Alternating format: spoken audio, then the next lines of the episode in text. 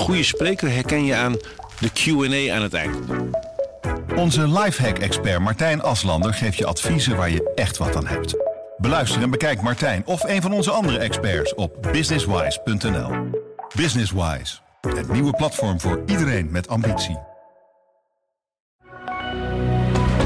Goedendag, dit is het nieuwsoverzicht van de Stentor. Baasjes van huisdieren stellen behandelingen steeds vaker uit. Dit komt vanwege de dure behandelingen. Soms wordt zelfs om een dodelijk spuitje gevraagd. Dat zien praktijken in de regio de laatste tijd. Vannacht is in Deventer een auto spontaan in de vlam geraakt tijdens het rijden. De bestuurder kon op tijd de auto stilzetten en uit het voertuig klimmen. De oorzaak van de brand is nog onduidelijk.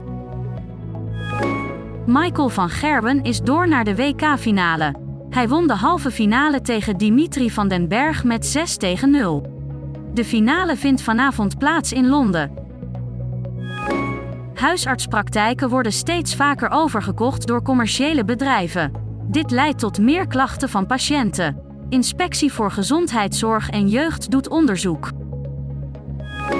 De bouw van zes nieuwe woongebouwen net buiten de stadsgracht van Zwolle gaat voorlopig niet beginnen.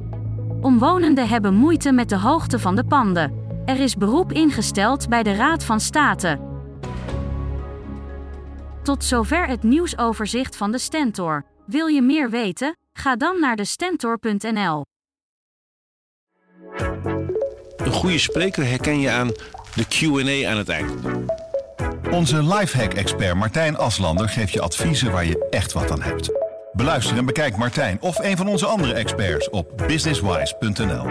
Businesswise, het nieuwe platform voor iedereen met ambitie.